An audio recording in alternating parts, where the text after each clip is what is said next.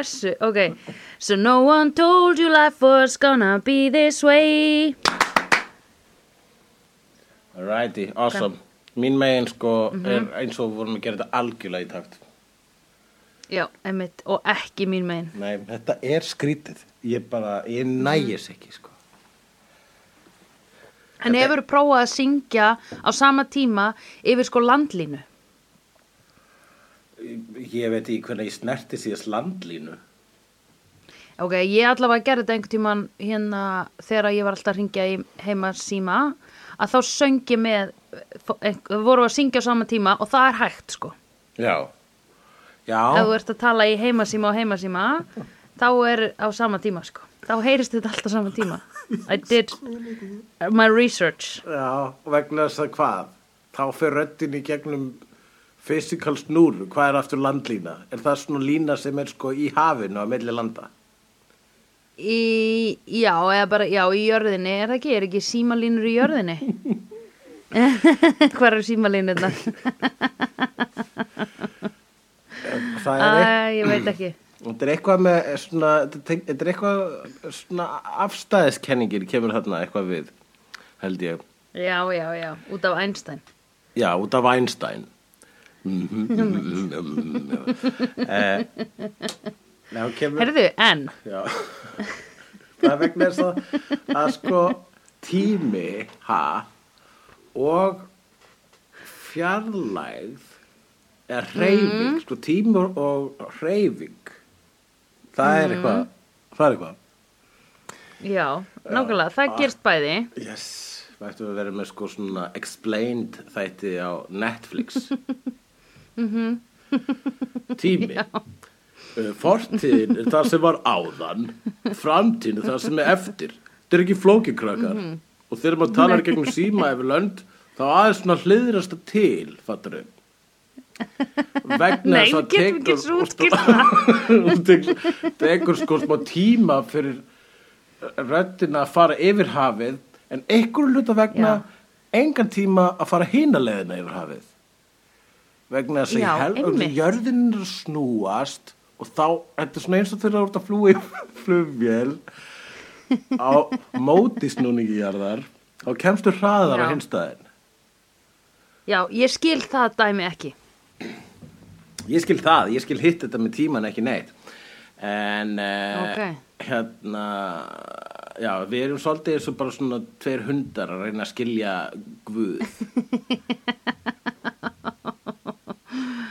Já, ég sko þarf oft, ég þarf að beita mig rosalega þegar ég á að átta mig á svona hlutum sem eru svona einmitt, sem snúa að snúningi jarðar og eitthvað svona uh, einhver svona þannig breytur og einmitt tíma og hljóð að ferðast. Þá er ég bara "Uah", og svo kemur svona moment þar sem ég svona já ég skil það og svo er ég búin að gleyma þið strax.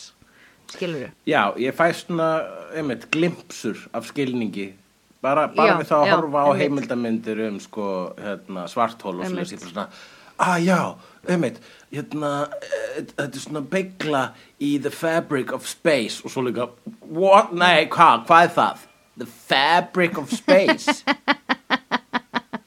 En space er ekkert, how is that a fabric? Hvað er textil? Já, ekki, nei, klárlega ekki vafið, sko. Uh, oft hefur verið talað um sko Fabric of Time, ég ert ekki bara ruggla við Fabric of Ó, Time. ég er rugglaði við það, ó já, ó, hvernig læt ég.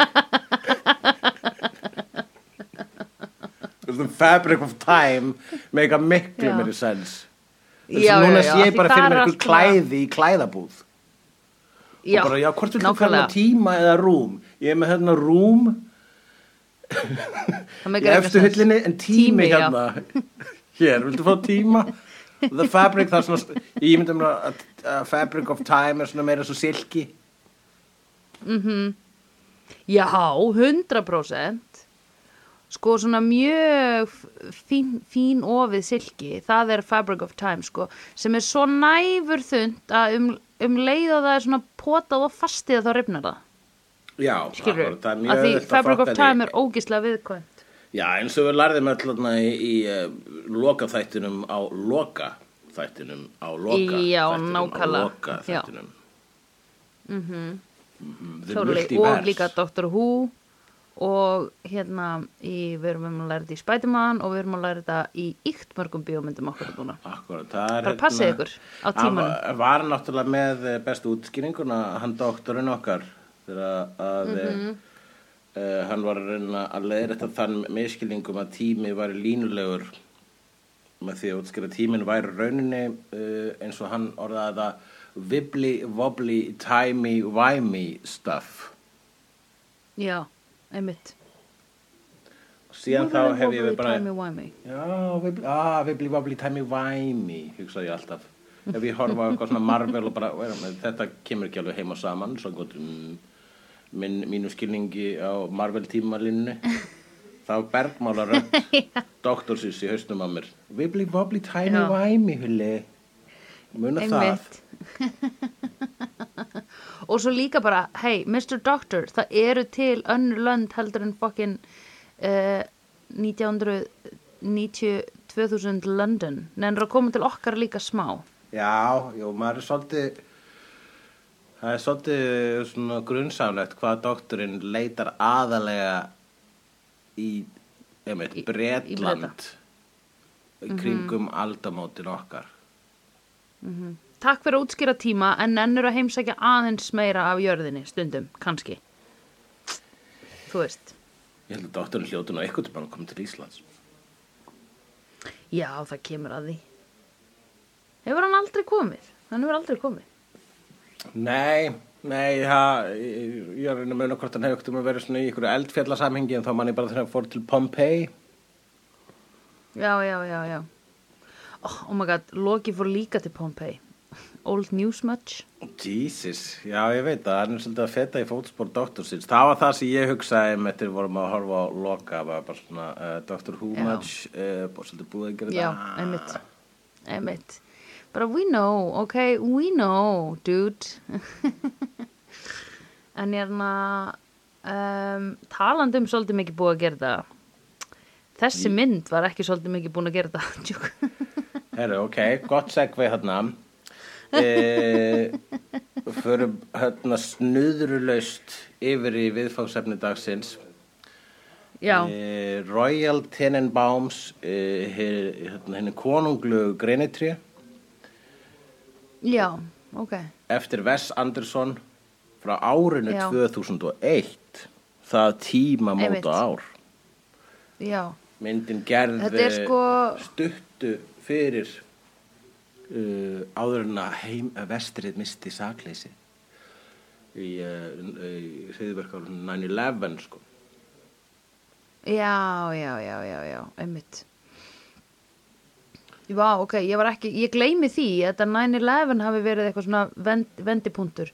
En ég hugsa alltaf meira svona ekki. að fyrir síma þú veist. Já, já, ég meit það fyrir, fyrir snjálsíma mm Já, ég meina, sko, þessi mynd, e, í þessari mynd eru bara gráu skífvalsímanir bara í hávegum hafðir þrátt fyrir að það sé komið árið 2000 en hún gerist á okkur svona tíma leysi en eina vísbendingin sem maður hefur um á bara eina staðfestingin á ártölum sem maður fær í þessari mynd er uh, ártöl á legsteinum sem mér finnst verið mjög poetíst og fallegt. Já, einmitt einmitt Og Þetta er mynd, þriðja myndin hans uh, Wes Anderson í fullri lengd. Uh, hann uh, kom rosalega ungur fram á sjónarsviðið. Það var bara early 20s, 23 eða eitthvað svoleiðis þegar hann gerði Bottle Rocket. Og, og þar, þar með uh, hérna, skaut bræðrunum uh, Luke og Owen Wilson á stjörnuhiminin eða áleiðis á stjörnuhiminin. þess að þeir voru báðir í þeirri mynd og, og ekkit frægir fyrir það. Ég man þegar ég sá Bottle. Rocket og sá Owen Wilson í henni þá hugsaði ég, ég held að þessi maður eftir að vera stjarnar og viti menn Ok, Svo- og viti menn, Sansbár var hullin. Það sannspár var ég þar. Ég sagði ykkur þá Owen Wilson er þið frægur þið hlustuðu ekki. Uh, og svo kom myndin uh, Rushmore. Og Já, uh, ég mandir henni. svo kom þessi mynd. Og þarna í þessari mynd held ég að hann hafi algjörlega nelt svona fundið sína rödd hann Wes Anderson og sinn stíl, uh, sinn óturisma sem að er í rauninni þessi samrunni af symmetríu og nostalgíu. Mm Uh, þessa Já. þrjár fyrstu myndir hans eru líka skrifar ásamt Óvin Wilson en Já, þetta er síðasta því. sem hann skrifaði með honum og hann fór svona alveg að skrifa myndina sjálfur eftir það Já. Óen það er þessi sem er sætari, það ekki? Uh, núna þarf ég einhvern veginn að reyna að lesa hugsanum þinnar og kallmannasmekk hvor er sætari, mm. Luke eða Óvin Ég er ekki að meina smekkur minn heldur hann er feguri í andlitinu hann Óen, er það ekki? Já, ok, Hvor er hvað? hvor er hvað hvor, hver er Óvin í þínum haus Dökkarði? nei, það er Luke Ó, Luke Wilson er ok. svo sem var í Idiocracy og Legally Blonde Legally Blonde, já það hann heiti Luke, ok, ok, ok, ok Óven er sá sem er með margbrotna sko. nefið. Já, einmitt, hann er ófriðari Já, hann er frægari. Já, já, já En það skiptir ekki máli Hinn er sætari Já, ok, þú vinnur. uh, hann, Óven er svo, fra- Óven er sá sem ég spáði fyrir að er þið frægur, sko. Já, já, já hann er líka, sko, hérna, þeir eru báðir með bíómyndaandlit en, en Óven er með meira bíómyndaandlit. Hann er svona, sko, að það að vera bíósætur er að vera með eitthvað svona skakt, eitthvað smá brotið, sko. Allavega var það þannig, það er ekki, ég held að sé ekki mikið lengur þannig en sko á tímum þar sem að Eh, sjóarp og, og bíó var svona meira aðskilið Mhm. Þá, skinn, þá var maður svona var við það að vera sjóarpsætur var annað en að vera bíósætur. Sjóarpsætur var þá stu mun symmetrískari, mun meira í átta að líta út þessu mótel, sko þá meira svona verið að reyða sig á bara svona standard, basic, fegurar, já, bara fegurar uh, standarda. Mm uh, vegna sem þú varst líka elda áhorstölu þar en bíósætur sko það er uh, Julie Roberts þetta er, Já, sem er opaslega falleg en hún líka svona intriguing, það er svona, svona aðtiglisvert andlit sko. Mhm, einmitt. Og þannig sætur er óven það er svona, já ok, hann er sætur hann er með svona, bara svona einhvern alltaf með svona puckered varir eins og sé alltaf byggð um koss. En síðan er með margbrotið Já. nef Hann líka alltaf svona á svipin eins og hann sé eitthvað svona Oh, I get it. Eða eitthvað svona oh, oh, oh, wow. Oh, Oh, okay, so that's how that is. Mér finnst eins og hann sé alltaf að segja So that's, that's why that is. Eitthvað svona, oh, so that's Í framan. what that is. Já, hann er nákvæmlega þannig sko. það er líka allar já. í sko eftirhermur taka það svona take á hann og núna þegar ég er að reyna að herma eftir honum þá er ég basically bara að herma eftir öðrum eftirhermum að herma eftir honum. Oh, oh wow. Oh. ég get þetta ekki. Hann var í hérna Hann var í Blades of Glory. Getur það ekki passað? nei, það getur ekki passað. Uh, ég held að að hugsa um Napoleon Dynamite Gauri sem Ég er búin að sjá hann oft Ég mann samt ekki eftir honum ég leikarinn sem leik Napoleon hann var í uh, Blades of Glory á móti Will Ferrell. Og heit hann? Heter James Heter eitthvað svo leys okay. uh, uh, Hvað Wilson- leik hann með Will Ferrell? Owen Wilson. Hvað leik hann á móti Will Ferrell í? hvar hefur Owen Wilson leikið með Will Ferrell? Ég er nú ekki svo Já 100% á því sko, eða hvort að þeir hafi nokkuð tíman sko, Will Ferrell og var á samt held í Luke Wilson í Old School en ekki með Owen Owen ha, hann var í eh, hann var í The Wedding Crashers á samt honum uh, Vince Vaughn hann var í Starsky and Vince Hutch Vaughn. á samt, uh, já Ok. það er Vince Vaughn og herðu, fucking Owen, Owen. Wilson var í fucking uh, bara sjóastáttur sem við erum búin að minnast á svona fjóru sinnum í þessari upptöku Nú, hann var í loka Friends Já, Loka, já, já, já, já, já. hann var í Lo- Loki, Loki. en ég held að hann hafi Einmitt. ég get alveg tróð því að hann hefði eitthvað best í Friends ég mér minna að Luke hafi eitthvað best í Friends Já, pottit um, Já, ég er að reyna að muna hvar ég, ég eða. Angorman eða var hann ekki því? Hann var ekki, jú, hann var, hann var uh, cameo í Anchorman. Já, það er mjög vel ferrel Það er verið færar, en kannski er það það þú ert að hugsa. Milk was a bad choice. Já, það líklega er það sem ég er að hugsa um. Og hana En já, ok Wes Anderson og vinur hans Owen, með skakkanefið Já, Va, Hvað er hann dottið svona oft á nefið eða út af hverju, hvað gerist? alltaf hann er ekki bara verið lamin, sko. Hvað út af hann var loser? Kannski hefur bara verið með eitthvað vesen, sko. Ég, hérna, mér skilst meira þess að e, sem sé karakterinn hans í þessari mynd í Royal Tenenbaums, uh, Eli Cash, Já, sé byggður á einhverju leiti á Owen Wilson sjálfum uh, og sérstaklega Já, uh, hvað var þar eitulifja nótkun uh, ok. og þá uh, og hann hafi meira svo bara þegar að þessi mynd var gerð þá var hann einmitt að rísa á stjörnu heiminin það var að vera að kasta hann í allt og, og þá var hann náttúrulega byrjaður að dopa.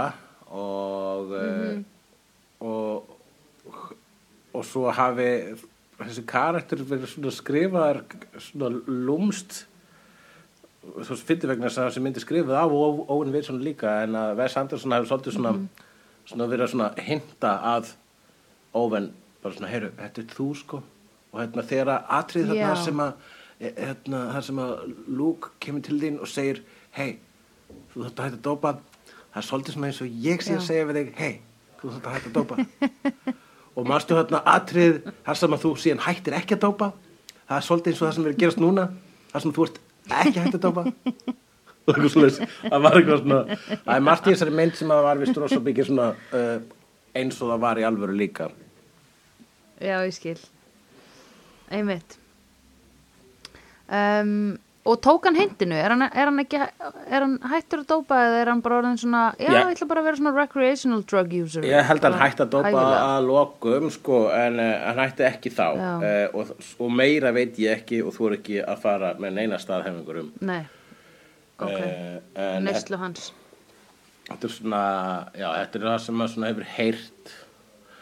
En þannig er nú það með allt sem maður hefur heyrt það er bara það, einmitt að það er eitthvað sem maður heyrði. Já, einmitt. Og við verum alltaf að muna það þegar við heyrum slúður þá er það alveg Já. 50% líkur á því að það sé algjört kjaftað og þú, maður verður að taka það með reikningin Já, já, já, já. Líka bara muna að þegar þú lendir í einhverju og ert að segja einhverjum öðrum frá því að þá ertu ekki alltaf að segja alveg 100% af því þú manst það bara ekki. Alveg rétt. Já, já, þetta er bara svona, mér finnst það mjög gáfulega hlutur sem ég, svona, sem ég sagður um það mér þegar að það eru tveir aðilar að bífa, kannski hjónaskilnaður mm eitthvað svo leist, þá er sagt, já, það er þrjár, það er þrýr sannleikar, það er þín hlið, það er mín hlið og það er sannleikurinn. Vá. Já, Og sannleikurinn Og er hvað eitthvað sem er aldrei, hvað segir, hvað segir hvað segir fólk við því? Þá segir fólk, Þegar þú kemur já, inn í hjónabandsráðgjöf með það Vá, hvar hefur þetta? Ég Ekkur staðar held ég í podcasti, segi ég. Vá, getur sendt mér link? Nei, því man ekki hvaða podcast það var. Sendu bara link á þennan þátt Það kom fram hér Já, akkurat. Það er mín hlið, það er þín hlið, en svo er það sannleikurinn. Sem er eitthvað sem þú getur aldrei almennilega fangað vegna þess að sannleikurinn er aldrei annað en mómenti sem að uh, hann gerist í og hann er aldrei sannari en þegar hann er að gerast fyrir þig. En þú getur ekki kópera það og sendt jóðpegfæl á einhvern vinðinn og, og sagt hann hérna er sannleikurinn og þá er hann búin að fá hann. Nei, nei, nei, nei, þú sendur honum ljósrit af ljósrit af ljósrit af ljósriti. Og síðan reynir hann að tólka það á einhvern annan hátt við aðra vinni sína. Mm Nákvæmlega. Now fucking quo. Segi ég sem hjónabandsráðgjafi. Og þau segja, hvernig komstu ykkur inn? hvað að gera heimilu okkar? við erum að reyna að skilja í friði hérna. Og þú kemur hérna og home invasion hérna. okkur. Já, Tala um upplifanir, who gives a shit? Já. Við elskum ekki hvort annað, við viljum skilja. Nei, nei, býði nú við, segi ég. Hold that thought, hold your horses. Nei, nei, nei, nei, nei, unpakka á þessari tösku. Ég er með útskýringu. Og svo byrjar aftur. Og fólk er eitthvað hmm, We heard you the first time. Já, Royal. Tenenbaums, sko, ég er búin að vera, uh, sko, bara setja það borðið hérna í upphafi, það er að segja 20 myndur inn í þetta podcast, uh, Já, það er rétt að byrja. að Nú Ég allir er- þættir minimum tveir klukktímar nýkomin aftur uh, um borð í Wes Anderson lestina. Ég er búin að vera um skeið með Wes Anderson, uh, kannski ekki fordóma en meira svona mótþróa.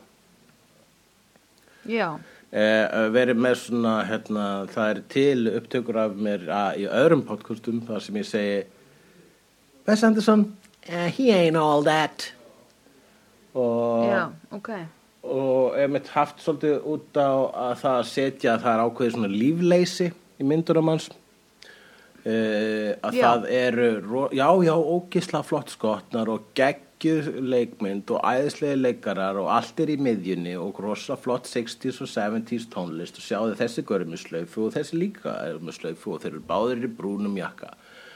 En Já, með mitt uh, Þetta, það, ég- ég held að þetta sem hún varst að segja núna kjarnaði daldið þessi mynd. Nákvæmlega. Og ég er bara svona hef hugsa, en það gerist ekkert í þeim. Og þegar ég hef verið að hugsa um Royal Tenenbaums og þegar ég hef verið að hugsa um uh, Life Aquatic uh, þá er ég að hugsa já ok það genuinely gerist ekkert í þessari mynd. Og og finnst þess að þegar, persónu læra eitthvað þá er það að læra eitthvað svona hérna. Já, svona læra það hlutina það er ekki, wow! Það er, já ég skil. Og það er allt svo rosalega lástemt og mér finnst að vera svolítið svona að hefur fundist að vera að fela ákveði innihaldsleysi með stílnum sínum. Eh, það er eitthvað Já, fyrirbæri sem var einu svona kallað MTV movie sem að er bara veist, actionmyndir eh, gamanmyndir þar sem að er, veist, gamanmyndir um, um gellur eða bros. Uh, sem, uh, það sem er kallað style without substance. Og ég vildi ganga svo langt að segja að Wes Anderson myndir væru style without substance og uh, hérna en síðan horfði ég bara nýlega að lok- á uh, Grand Budapest Hotel í fyrsta skipti og þótti hún vera storkosleg og það er eina af þeim fáu hérna Wes Anderson myndir sem actually gerist eitthvað í. Það er bara action í henni nánast. Alveg fólk að hlaupa með þessa sko. Og Já, hljófum alveg fólk í þessari mynd líka. Já, sem smá stund svona það voru tvö atrið það sem var hlaup og trommur undir.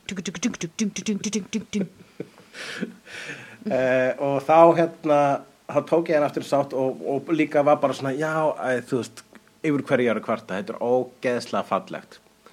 Og horfið aftur á þessa mynd núna sem að mm. síðast sem ég horfið á hana þá var ég mynd bara svona ok, þetta er ekki ekki að flatta what else is it? Og núna mm -hmm. hérna, er ég, ég komin aftur búin að taka Wes Anderson aftur í sátt og ég bara svona, ég meina þetta er það sem maður vill. Og ég, rauninni, ef það gerist eitthvað geðvett mikið í Wes Anderson mynd, þá verð ég kannski fyrir vonbröðum næst, bara, nei, nei, nei, nei, Anderson mynd á nú að vera það hefur verið bara svona það hefur bara verið góð stemning og engin áneitt sko og ekki neitt eitthvað, eitthvað ekki eitt eitthvað uh, svakalegt ekki, ekki eitt eitthvað svona kynlíf og ofbeldi. Það er Nei Já, einmitt. Og það er líka, sko, alltaf þegar ofbeldi í Wes Anderson mynd, þá er alltaf svona hálf kjánalegt. Uh, eins og það sé bara krakkar að slást. Og alltaf þegar það Já, eða svona einhver að kasta einhverjum yfir vegg. Já, já, alltaf svona eitthvað svona, svona bjánalegt og hérna og, og rauninni bara skila sér ágætlega vegna þess að svona alltaf þess að vera að gera grín af toxicity of the male eh, ape Uh, en síðan þegar það er kynlíf þá er það í rauninni ekki til stað svona þannig sé það ást er alltaf í verðsandur sem myndum eins og svona börn síðu skotin í hverju öðru. Stundum bókstallega bara er það börn skotin í hverju öðru. En það er alltaf bara svona ég er skotin í Já. henni. Og það er the extent of uh, sexual tension í Wes Anderson mynd. Já, einmitt. svona pre-teen að skrifa í dagbók um að hárið á stelpu líktar vel það er sko. Wes Anderson klám. Einmitt. Já, einmitt, ég skil. Það er alveg maður sá það að það var mjög mikið þarna sko. Og um leið maður tekur þessa fagurfræði í sátt sko, þá er, þá, þá er þetta alveg beautiful sko. Mm já, sko, ég hef séð hann að Grand Budapest Hotel. Já. ég held ég hef nefnilega samt hort á hann í flugvél. Já, og hérna eða allavega á tölvuskjá eða einhverju svona ég man að ég hugsaði, já, alveg rétt þetta er það sem fólk segir, þetta er það sem fólk er að meina þegar það segir, þetta er svo Wes Andersonlegt þegar einhverju er stilt upp einhvern veginn. Já, svona einmitt symmetrist. Um, og en ég horfði á þessa mynd sko, ég horfði á hana núna á föstudags, eða sérst fyrir tveimur kvöldum. Já, og ég sopnaði í miðri mynd. Ok. Og hérna horfði s- og vaknaði svo þegar voru 30 myndir eftir og kláraði bara að horfa á hana. Já. og var eitthvað, hmm, já, ok. Nú, og hvað leistist já, ok, aðja og hann dó já, og svo var ég alveg býtu, ó já, ég þarf að horfa á hana aftur af því ég þarf náttúrulega að horfa á alla myndina. Að við tölum um hana. Þannig ég horfði á hana aftur í gær. Ok. Og hérna, og þá var ég alveg svona ó, ég misti af engu ég misti af svona þremur atriðum eða eitthvað. Já, samt fannst mér ég hafa sofið alveg bara svona á því þeim eða mér fannst ég hafa sofið svona og mist af mega plottpunktum þannig held ég eða eitthvað, ég, ve ég veit það ekki. Ég var alveg bara, ó já, ég misti ekki af neinu nema þessu. Og hérna, hvað var eitthvað svona eitt atriði sem var til framvindu? Já, þegar komst upp um að hann væri að svindla veikindunum sínum, ég mista já, því. Já, það er svona já, það er, það er alveg plot point sko, einmitt, já, Já, já, já. En hérna, en að samanskapi, mér fannst hún alveg svona, mér fannst hún rosa, hún rosa flott og eitthvað, en ég var allan tíman svona, um, hvað er að fara að gerast í henni? Ég var áttur svona erfitt með að fatta eitthvað svona, býtu, hvað gerist í þessari mynd? Annað en bara eitthvað svona. En er, eina sem, það sem gerðist er það sem er á leggsteininum hans, er að eitthvað, hann saminaði fjölskylduna sína áður en hann drafst. Það var það sem hann ætlaði að gera. Skilurðu? Já, eða þú veist að ætla hann að gera Gene það, Hackman. þetta er náttúrulega, einmitt, þetta er mynd um, uh, uh, hérna, eh, hvað getur maður sagt, dysfunctional fjölskyldu og, og the source of dysfunctionality virðist vera þessi f- faðir, Royal Tenenbaum, leikinn af Já. Gene Hackman, sem er, Já. held ég, ég að byrt, að byrtast í vídeo uh, í þriðaskipti, fyrst í uh, Bonnie og Clyde Bonnie and Clyde. Superman og svo í þessari mynd hjá okkur. Já, Superman. Klassa Sem Lex leikari. Luthor. Og hann meiri svo hló sínum fræga Gene Hackman hlátri í þessari mynd. Það þótti mér voða væntum Einmitt, uh, sem er aftur hvernig? Hann er svona hérna. Ok, og uh, Já, ég tók ekki gert hún tekur eftir í næst. Mun, hann mun reka á strendur okkar Já, já, já, já, já Eh, ok. eh, hérna, já uh, og hann vissilega sko hvort að það var tilgangur hans að sameina fjölskylduna. Ég held að það var sjálfselskara en það. Hann var, nú- tilgangurinn var bara einfallega að koma úr mjög meira toxic ást þegar hann kemst að því að fyrirverandi konan sín eh, að borða mm sæng allavega sem hann hefur ekki talað við í sjö ár er að fara að giftast mm -hmm. gaur þá allt í hennu verða hann bara nei þetta er mín fjölskylda. Og þá treður hann sér inn í fjölskylduna sko, sem hann er búin að flýja fyrir löngu. Já, til að minna á sig sko, bara svona, hann er bara hérna, fyrir ekki að ég var nú búin að pissa utan, utan þannig bruna hana og þarf ég að pissa aftur utan í hann? Hmm. einmitt. Já, einmitt, það verður það til þess að hann hérna e, rís, já, einmitt snýr tilbaka já, það En hann segir eitthvað í byrjun myndarinnar, segir hann svona, eh, hérna, lestu nú yfir það sem ég ætla að skrifa á leggsteinu minn áður en að það fer á hann eða eitthvað. Þú veist, proofread it, sagðan. já, Sem Já. að var eitthvað svona, einmitt þetta þarna sem ég var að segja, samina fjölskyldu á barmi eitthvað destruction, eitthvað svona. Og það sem stóð að lokum á leggsteinunum hans var það að hann dói það að bjarga fjölskyldunum sinni úr, uh, hvað var það, flugslýsi eða sjóslýsi, eitthvað svona, Eitthvað brink of destruction, var ekki bara eitthvað þannig? það var eitthvað, það var eitthvað ennþá meira crazy sko, nú ætla ég að fletta þessu upp hérna. Já, Uh, finndu það. Royal Tenenbaum, um, hvernig sem er leggsteinn á einsku? Gravestone. Uh, rest in peace. Já, gravestone. Uh, Nei, maður skrifar rest in peace á hann. died tragically rescuing his family from uh, the wreckage of destroyed of a destroyed sinking battleship. Já, já, já, já, sem er það, þau hötuðu öll hvort annað. Já, ok, þú, la- auðvitað, þú last hérna, já, þú last svona myndlíkingun í það, ég, ég bara fór Já. alveg bókstallega, bara svona, að hann sem vil asshole, hann laug um hvernig hann dómir þess að, laug, svona hetið þetta, Mér- það, sko, bæði virkar og ég held að samtímis. Já, alveg definitely. Þú veist, þau hérna, hann var líka svona smá að hjálpa hana Ben Stiller Já, að hérna komast yfir uh, eiginkonu missin, sko. jú, það var svona tragiskasta og, svona, já, svona þrungnasta í myndinni, í rauninni, sko, hérna, Já. Ben Stiller sko uh, allir krakkarnir í þessari fjölskyldu eru sömu fötunum alla, þú veist, bæði hérna, Gwyneth Paltrow og Luke Wilson eru í sömu fötunum frá því þau eru börn og það eru fullorinn breyta aldrei um Já, stíl einmitt. eh, einmitt. Og, og og það er held ég að þetta, það er eitthvað skonar já, það sem að lesi það er náttúrulega að þau bara fullorðnast ekki.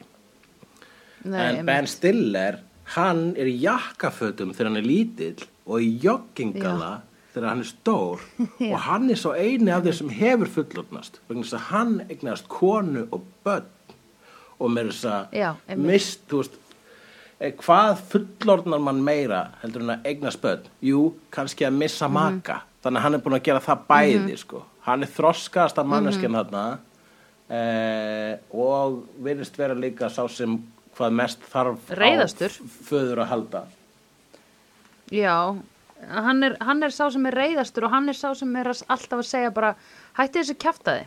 já, akkur, já, akkur, akkur er að gefa þessum ekki séns hann fór frá okkur. Einmitt.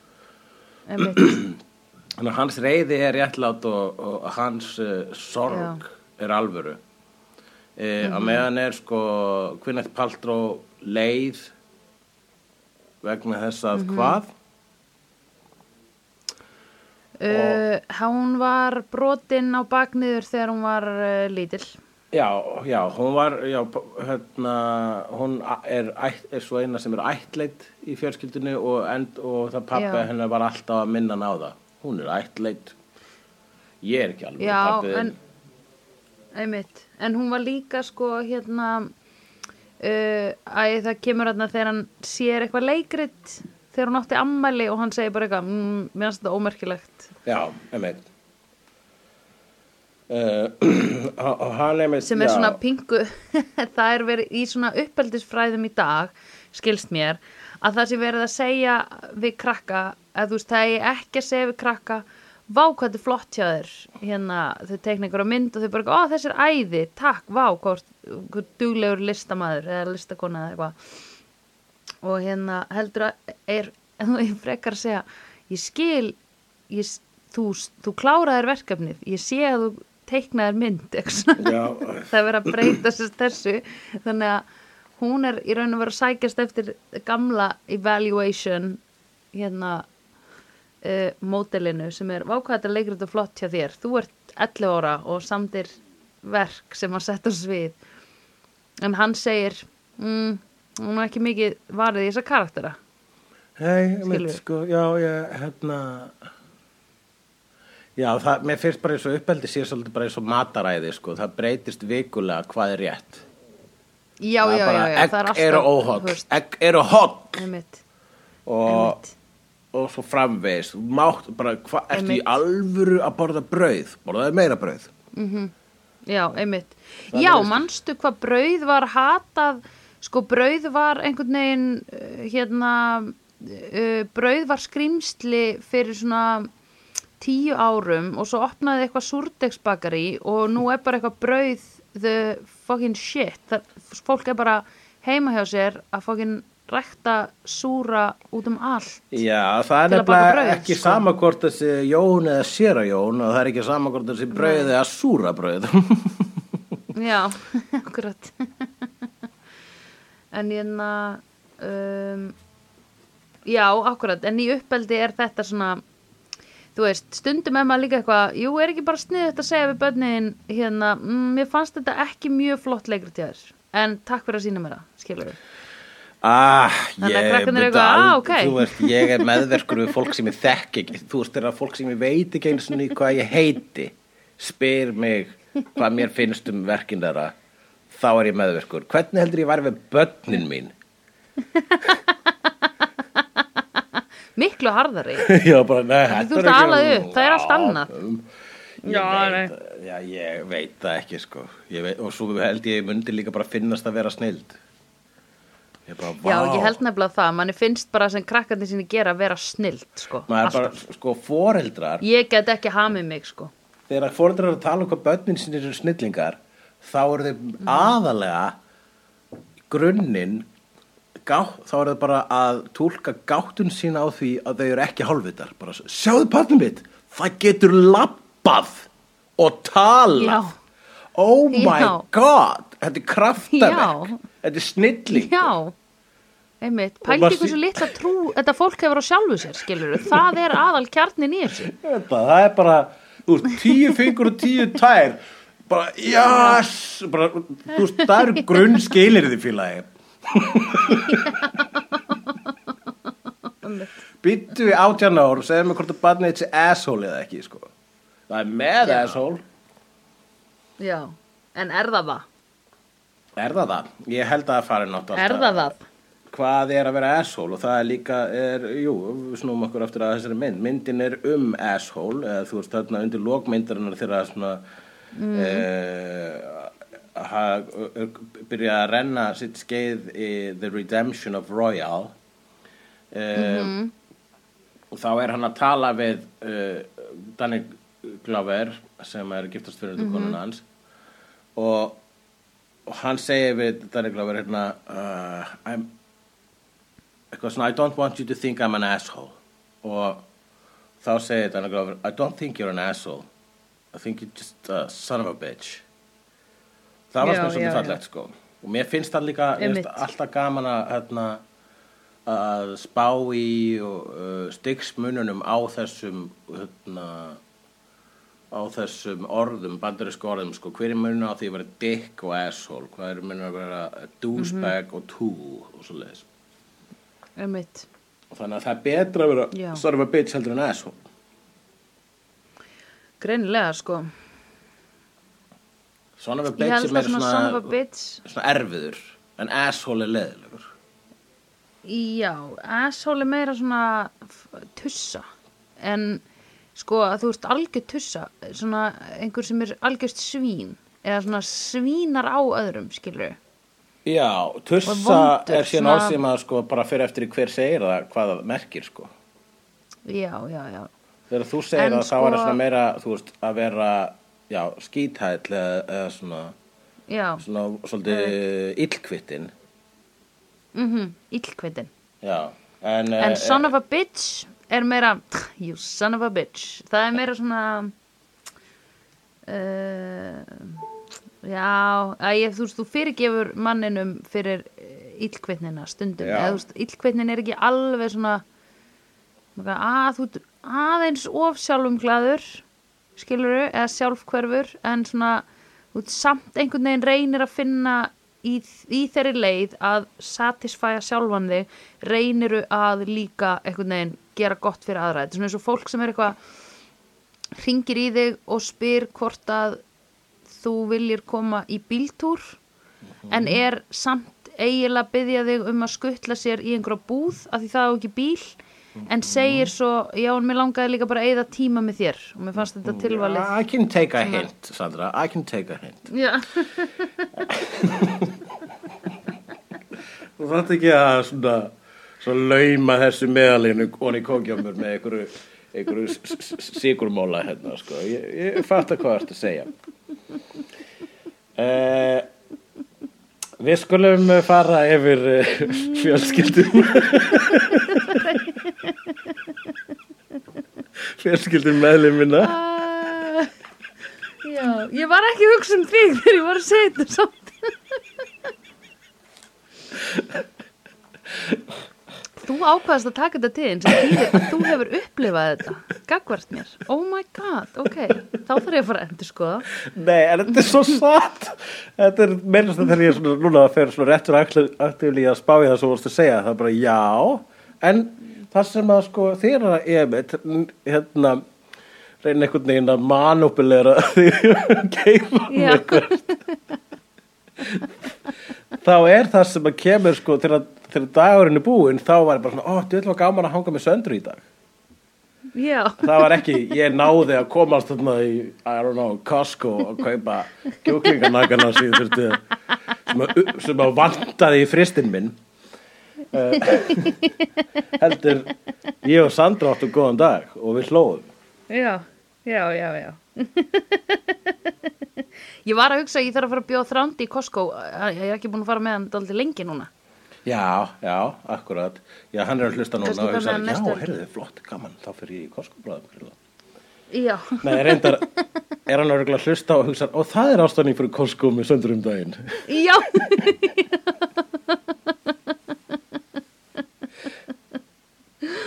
uh, Sorry, ég á manipulera hann.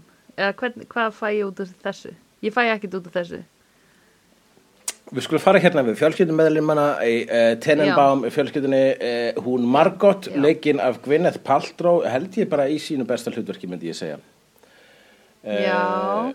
Hún er rosalega flott í þessu hlutverki sem laumu reykjarinn Margot Tenenbaum reykir í laumi. Já, leikskáld Mhm. haspin uh, og á- filterslausar Bear in síkartur mind. hér er merki um hvað props og leikmynd er Mhm. aðhlutverkið í Wes Anderson myndum vegna þess að síkaretturnar sem að hún reykir í þessari mynd eru Mhm. írskar síkarettur sem var hætt að framleiða 1970 eitthvað Já, ok, wow hvaða smáatrið er það? Hvaða insanity er að það? Og það kemur aldrei fram Og og, það að skiptir taka máli Nei, en það einmitt, er þarna. Einmitt, einmitt Og það er það sem að gera Já. þessa mynd alveg sko sem að mér fyrst setja þessa mynd á emitt bara sko í- upp í efstu hillinnar Mhm. er það að hér er mynd sem við erum að tala um að við, við, við erum svona þegar við erum nýbúin að horfa á hana þá erum við að hugsa byrju hvað gerist aftur í þessari mynd og Já. það er samt mynd þar sem að svona emitt á yfirborðinu virðist ekkert gerast í eru 300 mismunandi Mhm. leikmyndir mm Einmitt Það eru leikmyndir þarna sem að byrtast í tvær sekundur mm -hmm. Stórar leikmyndir sko. Þegar að vera að telja upp vonbeðla uh, Angelica Houston. Já, einmitt. Það beigð leikmynd í hvern einasta vonbeðil og hann byrtist í tvær sekundur í mestalegi Hver er Já, ef það sko. Einmitt. Og pældi í hvað það kostar að því núna vinn ég leikmynd. Stundum Já. er maður svona að reikna út hérna hversu miklum peningum eigum við að eyða í þessa leikmynd að því að hún sést svona lengi á skjánum sko En það stundum skiptir það ekki máli sko. Þú veist, bara, bara það til dæmis að þú sjáir þyrlu koma inn í mynd í bíó. Þú veist, hún sést yfirleitt í skiluru einmitt hálfa sekundu eða eina sekundu eða eitthvað því að bara hún kostar svo kísla mikið það er ekki hægt að hafa hann lengur.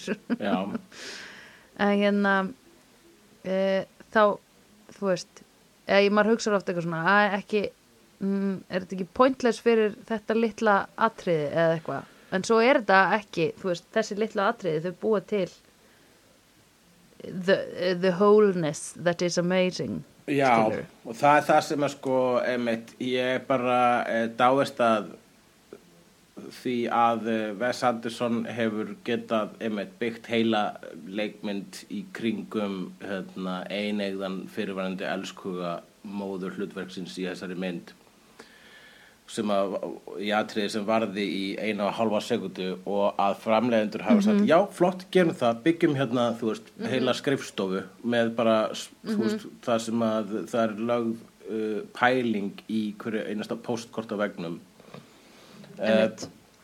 það er æðislegt að sé lagður peningur Já. í það og að sé sett svo mikið tröst einmitt, að leikstjórinu sé treyst vegna þess að djöflir óþólandir einmitt, ef að framleitur segir nei, við getum það ekki, getum við ekki bara sleppt því og þá einmitt, þetta bara að taka hluta af sálinni úr myndinu með því að segja það og einmitt, talandi Mhm. um þyrlu sko, það er, at, það, er hérna, það er flugslýs í þessari mynd sem við sjáum aldrei og í stað þess að sína flugslýs það er að segja sína bara flugvél sem kostar punning Já, þá er sínt hundur í búri og það táknar flugslýsið það er hundur í hundabúri sem lifði af flugslýsið og þannig sýnir Wes Anderson flugslýs með þetta maður bara smá narration bara Alec Baldwin að segja hundurinn lifði af flugslýsið og þannig fáum við veruleikun Já. um það að það var hérna, gerðist eitthvað hræðilegt og það er miklu sterkara já, já, já heldur en Einmitt. að krassa í jörðina Já, einmitt.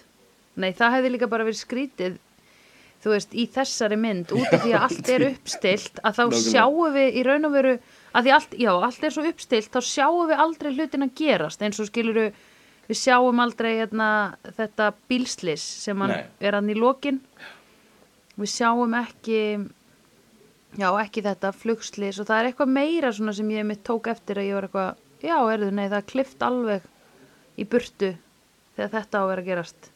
Þú veist, af því það er svo ósymmetrist það skilur, það er svo það er svo messy, hann vill ekki kannski vill bara ekki sína það, heldur.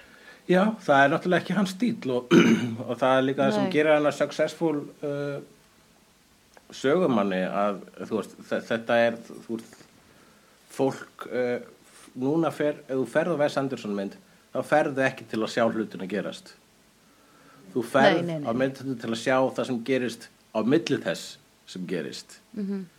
og meira þess að það og það er meira þess að sko svo, að, þú sjá, þú sér basically leikar að bregðast við og meira þess að þeir bregðast ekkert það mikið við það er svona ákveðið deadpan hérna, leikstíl sem að uh, ríkir í þessum myndum -hmm. Fólk er aldrei að öskra eða hoppa. Það er, það er ekki Nei, mikið einmitt. drama í þessu drama. Nei, einmitt. Dramalöst drama sem að er sem Mesta að drama var í raun og veru Angelica Houston þegar hún var að gráta.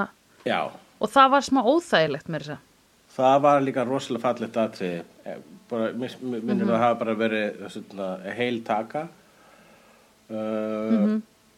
Þegar Gene Hackman segir henni að hann sé að deyja og hún Mhm. er ekki búin að hitta hann í sjö ár og hún og fyrirlítur hann að mann en enga síður hérna, hefur, elskar hann.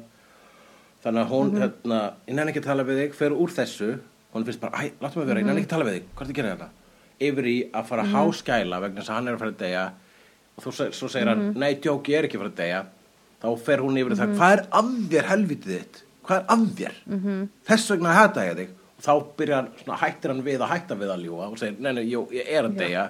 Og þá verður hún aftur sorgmætt og og já, ég meit, Angelica Houston sko, hún gerir þetta svo ógísla vel. Og þetta er einmitt, einmitt mesta dramað í myndinni.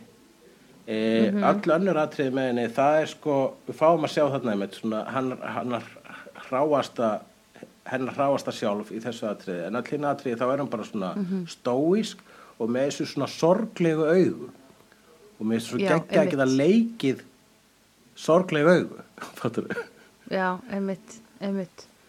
Líka þegar hann er að koma þegar hann er með Britsklubin og hann er að koma með töskurnar og mér finnst öll þessi samtölu í þessari mynd eru svo eerie að því að hún er alveg bara svona hann eitthvað, við erum að flytja heiman við læstum okkur úti og hún er bara, ég skil ekki læstur þið úti eftir að þú varst búin að pakka í töskur? Eitthvað svona sem er ókslega skringilega pæling að vera pæli þegar sonuðin er einhvern veginn að koma heim.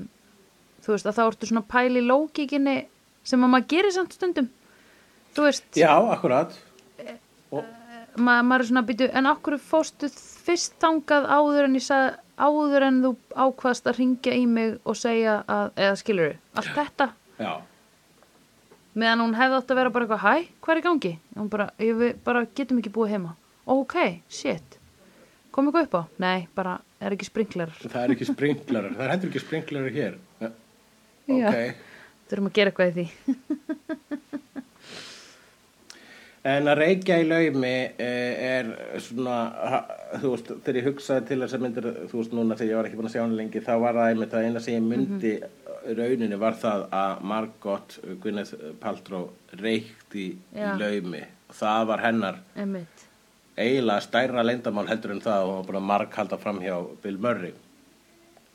já, já, já, já, já, að því þegar hann kemst að því þá segir hann bara, she smokes bara eitthvað Laumurreikingar eru uh,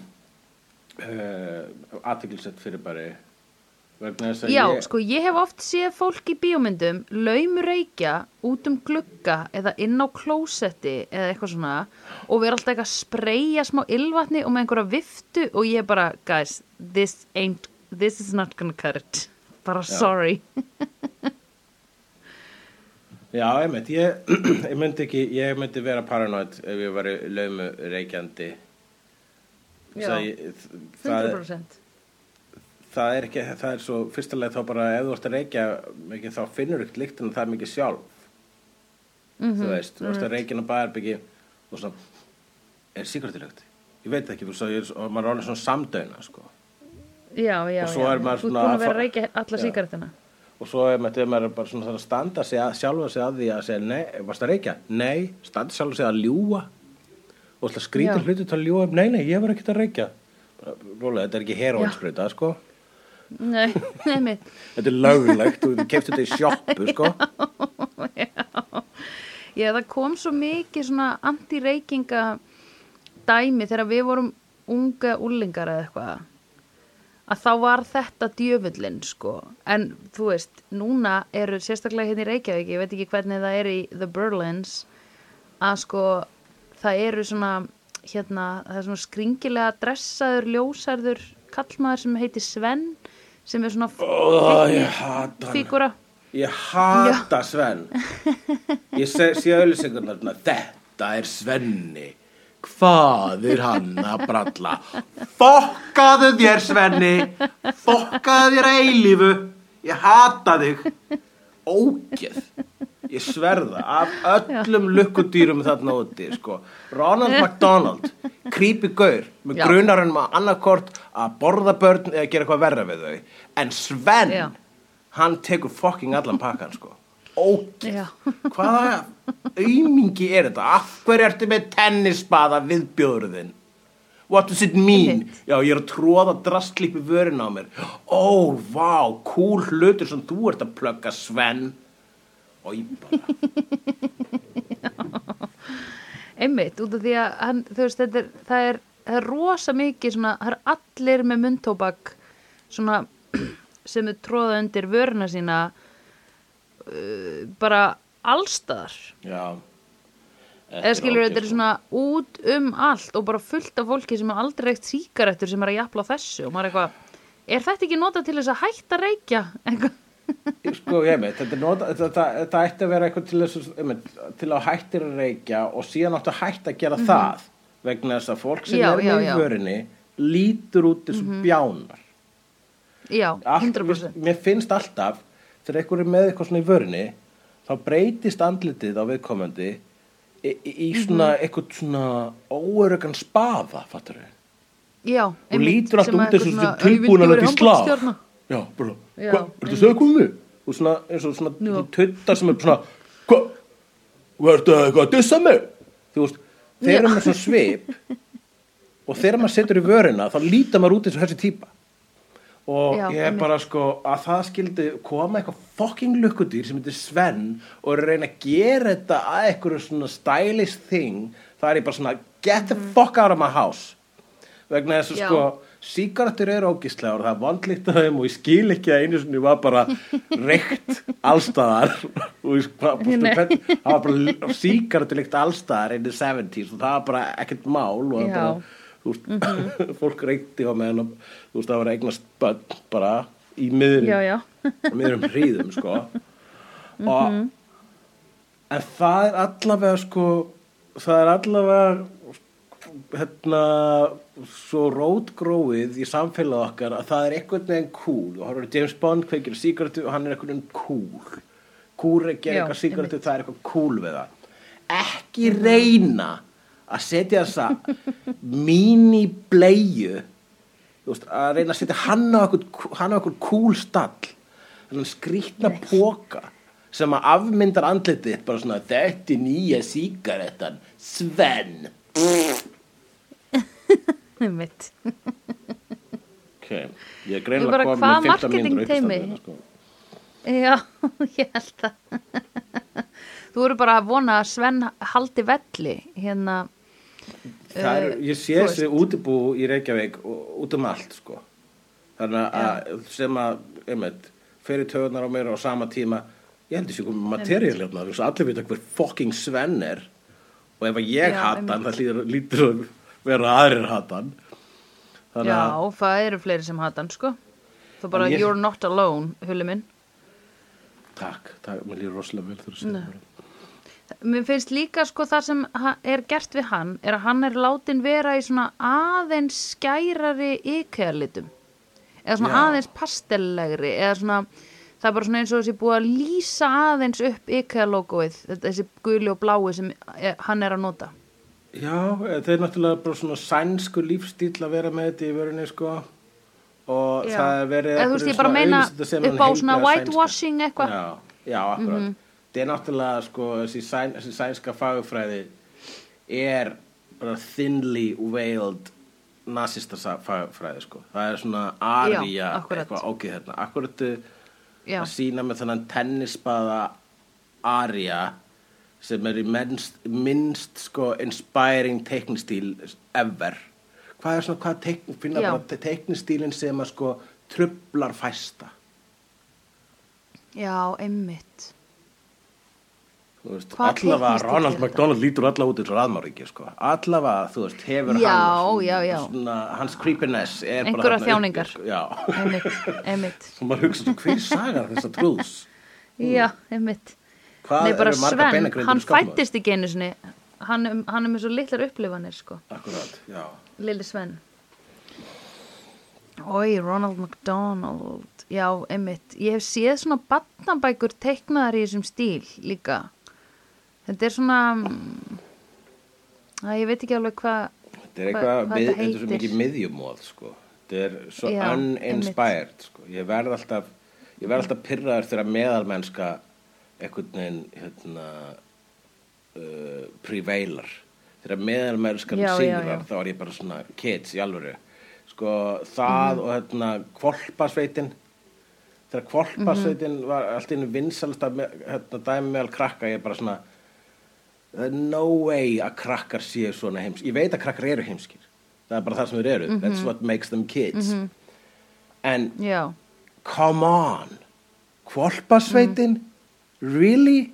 Við hljótum vorum komin lengra en það sko. Að þú veist barnaefni eins og Svampur Sveinsson þegar það kom það bara, ok, hér er eitthvað. Hérna er bara eitthvað svona artistic surrealist uh, bara fljúandi uh, hugmyndir á ferðinni, bara geðvegg góð sköpunum gangi og þá hugsaði, maður þegar það kom þá var ég að hugsa svona, yes, hvað þetta, krakkar í dag hafa gott með svona bara cool barnaefni bara svona avantgard barnaefni. Og svo kemur fucking Já. korparsveituna í bara svona, oh, and it's gone. Nú er aftur Já, bara já, svona orðið, bara svona, það er Sven barnaefnisins. Ó, ok, Mhm. þessi hundur er lögga og þessi hundur er slökkuleismar og svo er eitt stelpuhundur og hún er hjúka og hún er bleik ég bara, what? ég hef ekki hort á þetta. Er þetta svona for real? það er eitthvað svona for real sko. En hann Richie hann er Hvolpasveit, leikinn af Luke Wilson. Og uh, Já, eins og hinn er hann haspin.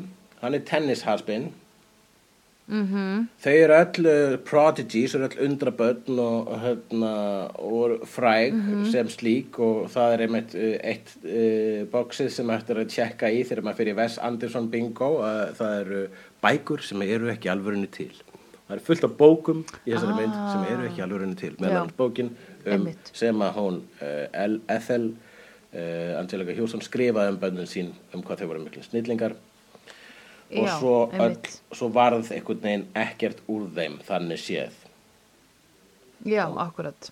þannig að þetta er svona eins og að verða bara haspinn rétt eftir kynþróskaaldrin sem hefur náttúrulega eitthvað Já. áhrif sem er sko jafn, sem að er í þeirra haus uh, vonbreyði og sorglegt en í augum margra ekkert annað en forréttindi Mhm. Það er mitt. Mm, Já, og bara að sleppa við að þurfa að vera eitthvað, eitthvað framúrskarandi einstaklingur.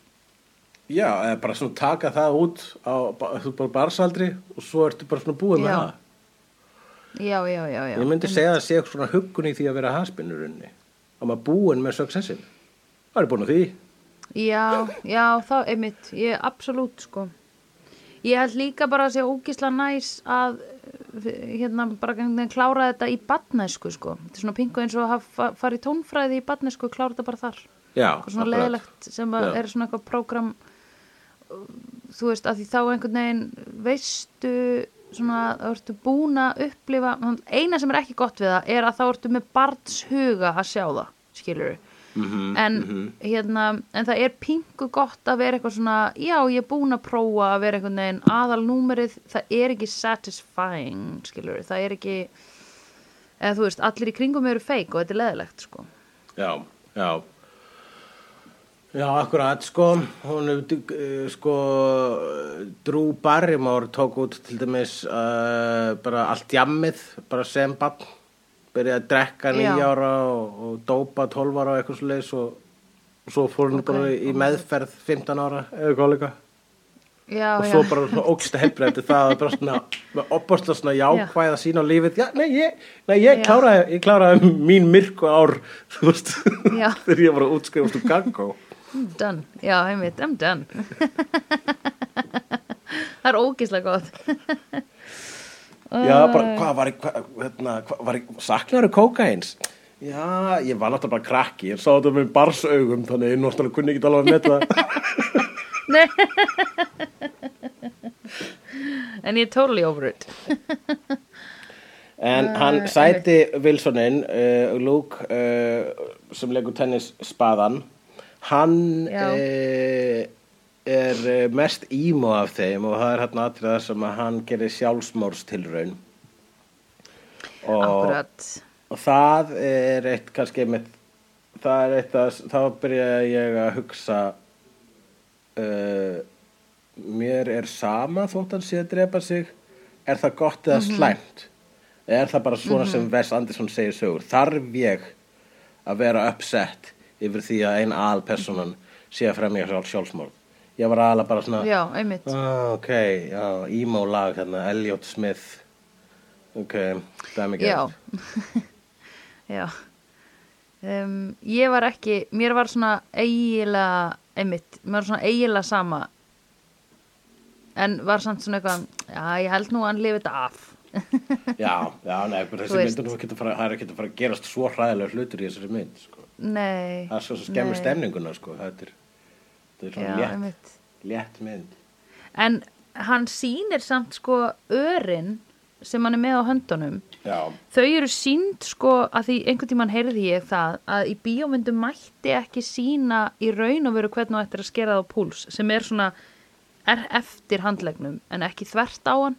Það var Já. alltaf sínt þvert á hann til þess að það væri ekki uh, þannig ef að fólk ætlaði að gera það þá væri þetta ekki informativt. Ó, er það ástæðan?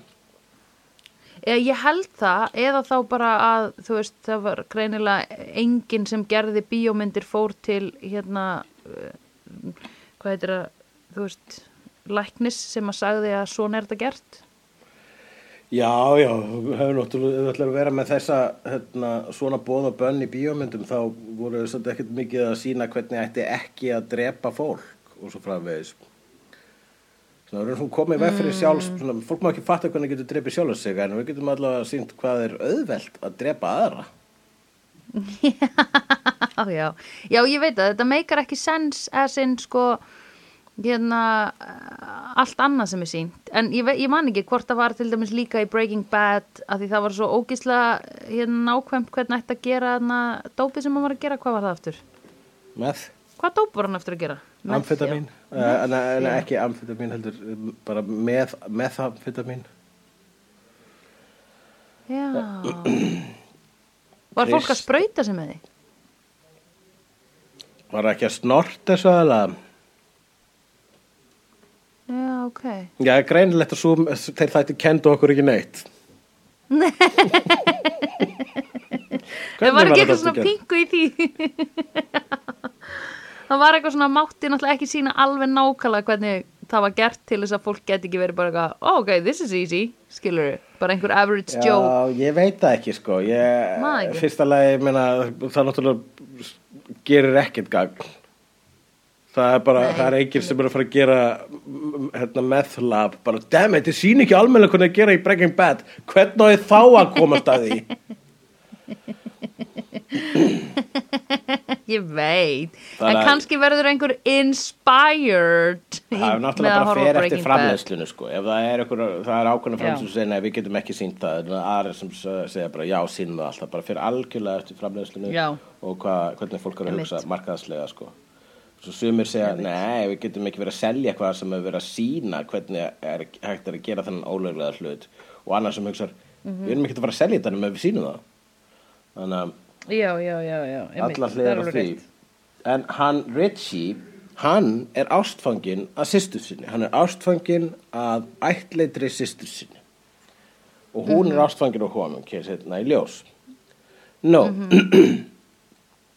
þetta er aðtekli sem forbúðin ást vegna þess að líkamlega náttúrulega er ekkit að þessu Mhm. þau eiga alveg að geta fundist hvort annað aðlaðandi vegna þess að þau eru ekki blóðskild þannig að móður náttúra er bara svona go for it, go for it, go for it.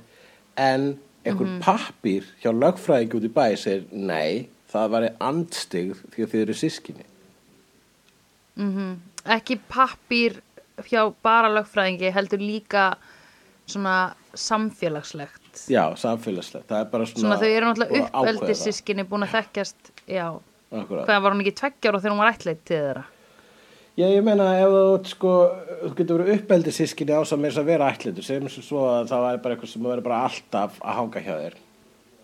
-hmm. og væri svo gott sem bróðið þinn en er það ekki? En væri sko, þú bara þekkti viðkomandi síðan að, að hann fættist nánast.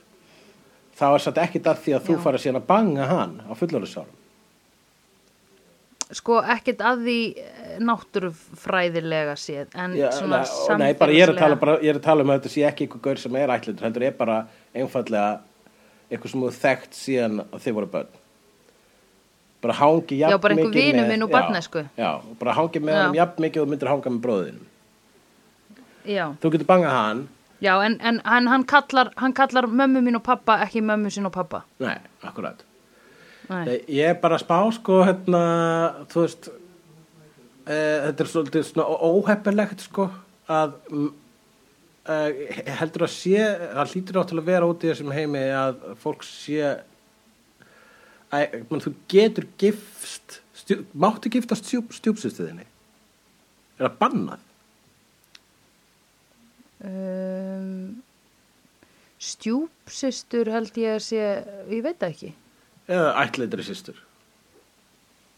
Ég var ekki eitthvað uh, hérna já, ættleitri alveg definitely ekki held ég, ég veit það ekki. Ég veit það ekki. En Maður þetta er allt creepy. um þetta er það. allt bara svona farðu að heiman og leitaðu að einhverjum an annari mannsku til þess að fara í sleikuð bara. Já. Hefur prófað að opna dyrnar á heimiliðinu og ganga út Vissulega, vissulega, þú veist, það er líka það var niðurstaðar, sko, hún hérna, Gwyneth Paltrow segir bara, við verðum bara að vera ástfangin í laumi og leave it at that. Það var svona niðurstaðan. og Já. það fannst mér svona skemmtilega ljúfsárt uh, dæmi og bara svona, raunin fór svo ást að segja á bara svona, uh, þann skásta veg sem hún gætt farið með þeirri ákvörðun. já, já En ég er bara, mér, mér finnst þetta að vera sko, að hlýtur, ég, ég vil sjá ykkur að bíómynda um þetta, mér finnst þetta að vera heillandi sko, ég finnst bara svona, já en hérna, í rauninni, þú veist, hversu rámt er það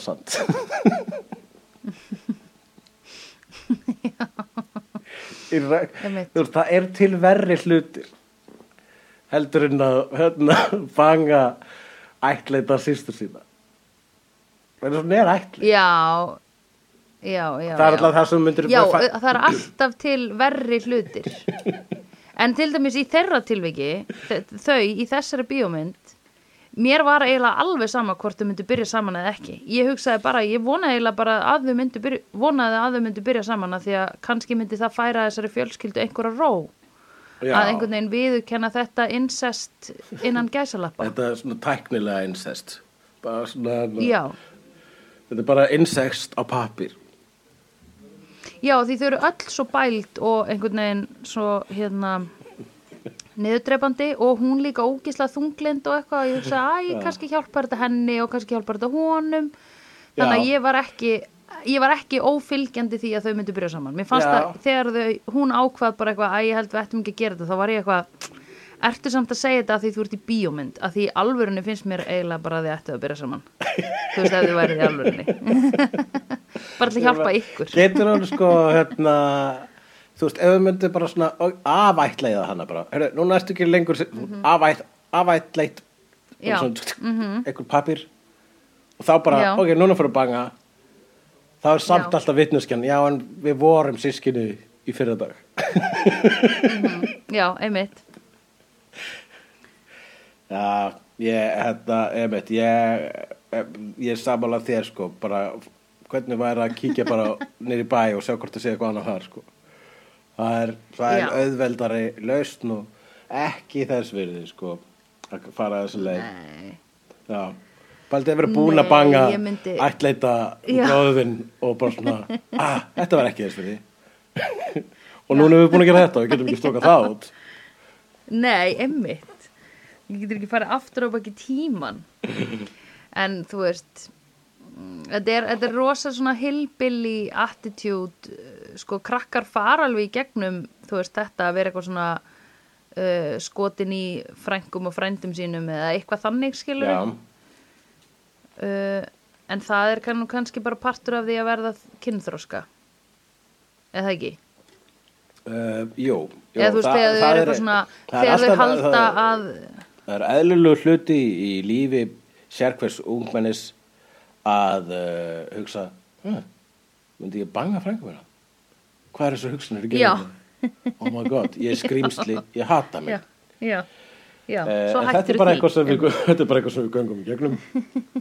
Svo byrjum við að uh, snorta nokkra línu með Drew Barrymore og allt fyrr uh, á réttan veg já, já, já, já, já, allt er eins og allt fer eins og á að fara nei, hvað sagði eftir byrtingur? allt er eins og á að vera nei, allt Byrtingur, er, allt mun já, það er byrtingur hérna, eftir Já. Voltaire, hvað heitir hann? Hvað sagði hann eftir? ég bara ég allt bara, er eins og á að vera, allt fer eins og það fer eða allt, mann ekki alveg hvað hann gerir Ég veit Það ekki, en ég er mjög glaður fyrir að Nei. glaður og þakkláttur þér að færa þetta podcast yfir á svona menningarlegt plan. Hvort sem þú vísar rétt eða ekki í Voltaire, þá myndust alltaf á Voltaire og ég held Já, þú já, barst já, mér þess að nafna þess rétt fram.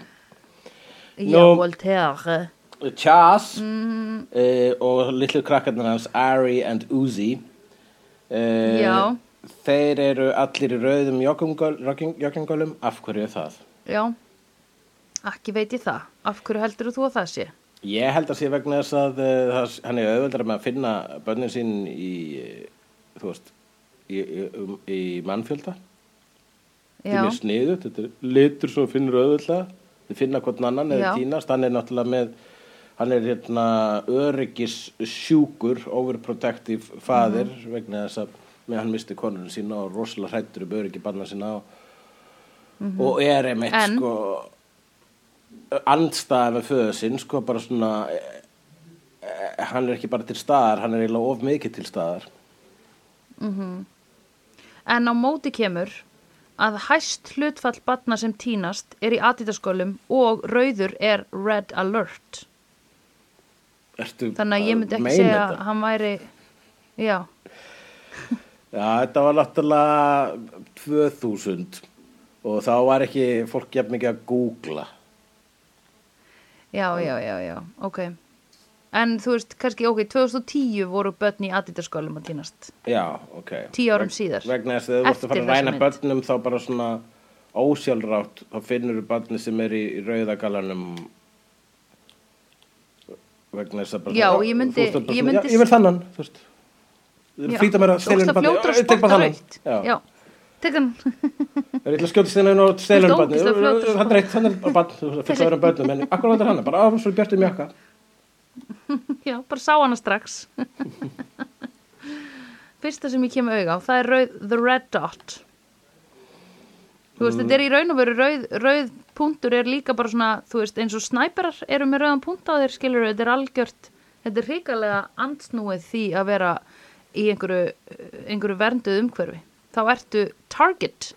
Halló, rauður er target. I know, right? Oh my god, þetta er fáránlega djúpa sem mynd, sko, shit maður. Mm, Eli Cash heitir karakterinn sem er leikinn af Owen Wilson, uh, hann er dópisti hann er rithöfundur, hann klæðir sig svo kúriki, hann mála sig svo indjóni hann er líklega bipolar, hann er svolítið pretentious og hann er on his way to being a has-been uh, hérna Hvað er hann aftur að senda alltaf til Angeliku Houston? hann er að senda uh, henni bara bladagreinar um sjálfa sig Það er ógislega skrítið, er það ekki já, skrítið? já, ég held að sé bara að vera svona raunin að segja að hans fjölskylda, þú veist að Tenenbaums eru raunin hans fjölskylda, hann er einmitt strákur sem að ólst þetta upp með þeim frá upphafi. Já, Tæknilega engin munur á honum og Luke Wilson, nema að Luke Wilson er samkvæmt samfélagslegri samþygt bróður hennar, Gwyneth. Já, en uh, hún uh, bangar hins vegar uh, þann sem að er ekki teknilega bróður sinn vegna þess að það er ásættulegra en það er ekki eins og eitt, hún eitt eitthvað meiri tíma með hérna, minni tíma með honum í æsku sko. hann er Nei, rauninni einmitt. það sem að kallar uppeldis bróður líka einmitt. uh, en hún er sem sé að halda fram hjá uh, manninu sínum R- Raleigh St. Clair leikinn Abil Murray sem að er í svona einnum af sínum lástendar í hlutverkum þarna Jú, jú, uh, einmitt. Og hann er raunin líka ástæðan að hann Richie varð haspinn vegna þess að hann bara hætti að vera góður tennisleikari um leið og, og systir hans giftist uh, manni sem voru aldrei Richie. við föður hennar Já. Já, já, já, já, einmitt. En svo er það hún Ethel, uh, mamma þeirra allra, sem er hérna mm ástfækina af honum Henry Sherman, leikinn af Danny Clover, sem að er nú eitt mesta ljúfmennið í þessari mynd. Já, hvað hvað ég kunni vel við hann. Já, skín af honum Mér fannst gæskan. hann ekki eiga, hann, mér fannst hann ekki eiga skilið að þurfa að blandast í þessa fjölskyldu þar sem að Ben Stiller er eitthvað svona bannonum að hafa skoðanir á Já, hérna að pappin sé að koma tilbaka eða eitthvað svona. emmitt. Jú, fólk var eitthvað svona í vörn, já, Ben Stiller og sérstaklega bara Royal sjálf voru hérna, með svona mótþróa gagvart honum Henry Sherman en hér er maður einmitt sem bara sko við sjáum langar leiðir að er bara kannski sko þetta svona ljúfmennsku akkeri sem að jafnvel þarf í þessa fjölskyldu. Já, já, já, en þau eiga hann ekki skilið, en þau þurfa á honum að halda. En þau eiga hann ekki skilið, en þau þurfa á honum að halda. Já, já, það er alveg stu, að eiga eitthvað skilið og ekki skilið. Þetta er einmitt bara, þetta er mynd um brotið fólk sem að, Já. eh, hvað er það að eiga eitthvað skilið, sko, það, hérna, það er ekki, veist, ef það er karma í Wes Anderson mynd, þá er ekki karma sem hann beint tekur eftir, sko. Og, hérna, og þessi mynd, eh, svona helsta sögulína myndarinnar er, hér er hérna gamall kall sem að sjálfselskum ástæðum treður sér inn í gamlu fjölskylduna sína bara til að minna á að hann er kallinn en síðan í því ferðalagi fattar hann að kannski ástæðan að hann tróð sér inn í fjölskyldunum var til þess að fá eitthvað skonar redemption að actually laga þann skada sem hann hefur gert eða allavega á einn eða annan hátt Viðurkennan. bæta upp fyrir hann viðurkenna hann. Og þannig að í undir lokin þegar það er búið að afhjúpa hann sem þann drullursokk sem hann er þá fer hann allt í að spáði hei, hvað ef ég geri eitthvað fyrir fólk en ekki fyrir mig?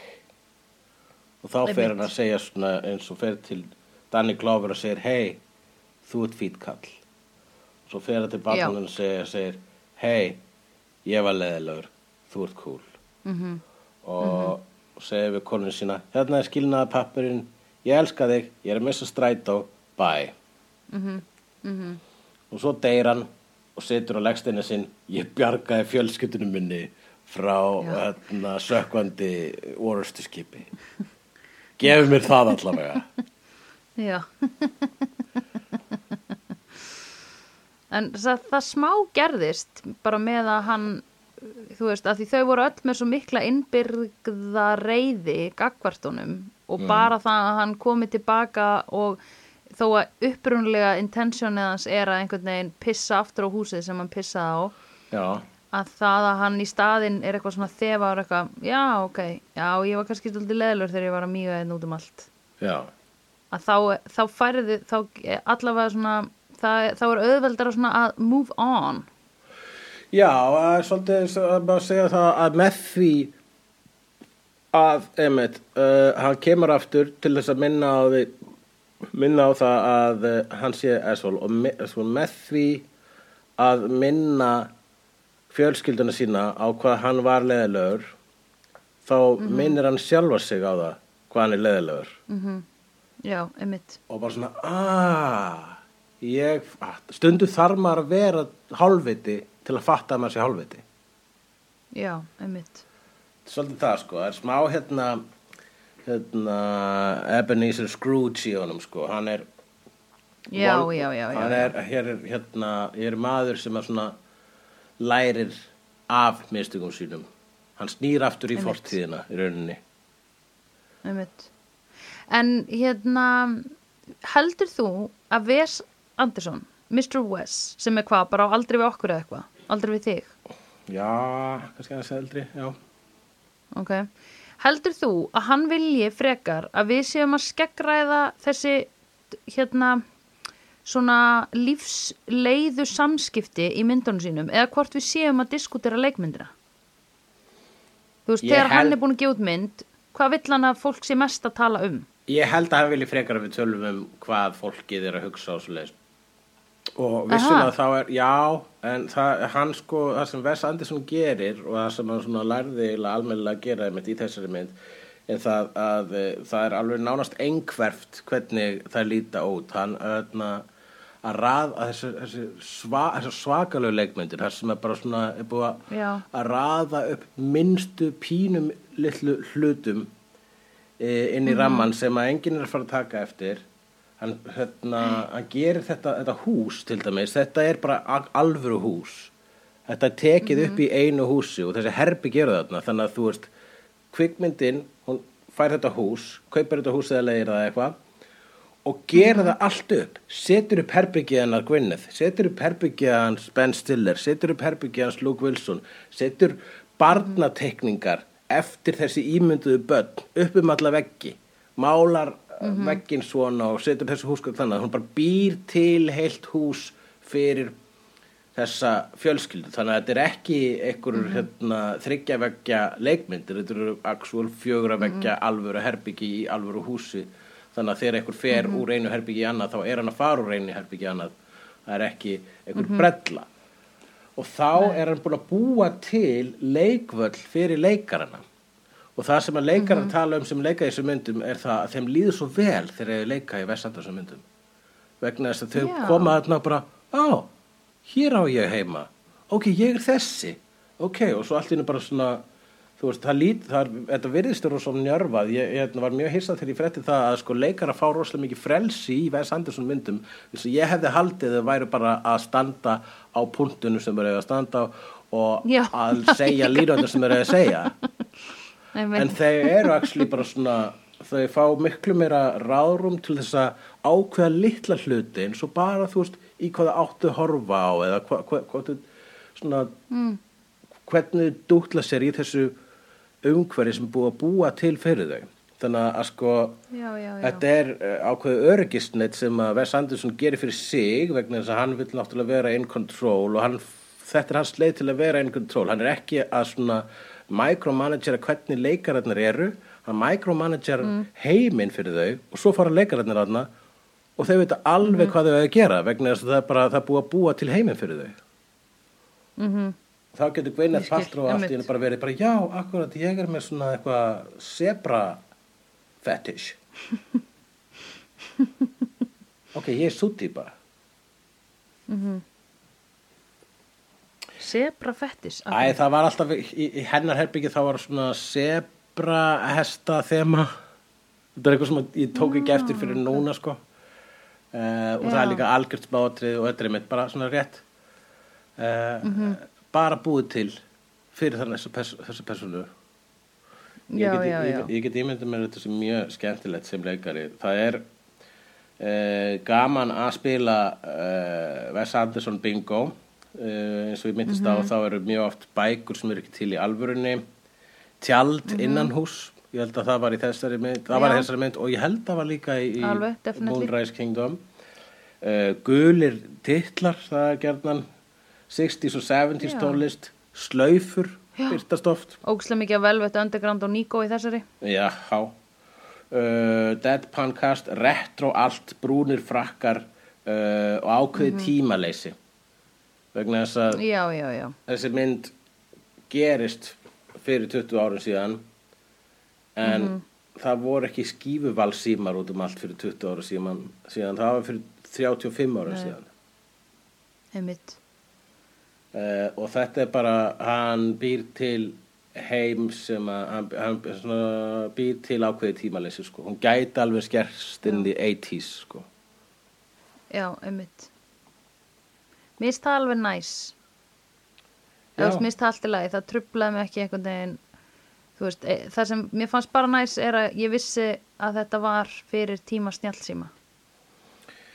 Pre-iPhone, já.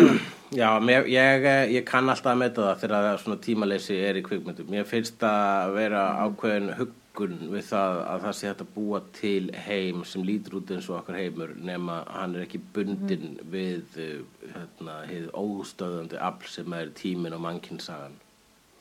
Einmitt. Now fucking quo, yo Joke. En hérna Já, þetta er merkilegt sko. Akkur er þessi mynd aðal?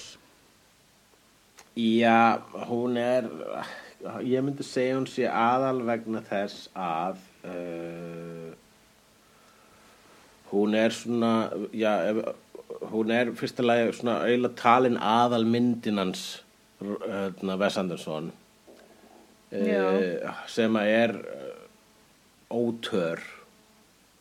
Uh, hann er með svona sín höfundrenkinu og hann er hérna, þú veist, hann er frægur fyrir að vera hann þú ferð á Wes Anderson mynd til þess að horfa á Wes Anderson mynd. Þú ferð ekki Já, á Wes er Anderson mynd einmitt. út af neittni annari ástæðu. Ég er ekki að fara að Nei, horfa einmitt. á French Dispatch í kvöld vegna þess að mér langar að vita hvað French Dispatch er. Ég er að fara að horfa á hana til að sjá flotta leikara í geggjari leikmynd. Hvers vegna er hún aðal? Hún er aðal vegna þess að það, það er bara svolítið aðal að geta nelt sinn einn stíl að búa til einn það stíl. já, alveg svo að hún er hugsa það. aðal vegna Ah. þess að hún er bara, þar var Tim Burton að vera Tim Burton, það var Tim Burton að segja hæ, ég er Tim Burton. Vitið hvað það er? Mhm. þið vitið það núna? Það er það sem Wes Anderson er að gera með Royal Tenenbaums. Já, einmitt. Þetta er rosalega svona uh, uh, þú veist einmitt, þetta er ekki bíómynd, þetta er svona meira stíl eða eitthvað, skilur við. Jú, það er alveg hægt að segja það. Þannig að sko þegar að ég var eitthvað tíman í, mínum Wes Anderson uh, mótrófa þá var ég með nákvæmlega sömu skoðanir og ég er með núna þegar ég er um borði í Wes Anderson lestinni. -hmm. Ég er ekki búin að skipta skoðanir, ég er ennþá bara, já, þannig að það er bara basically symmetrist uh, fagurfræðirung þar sem ekkert gerist.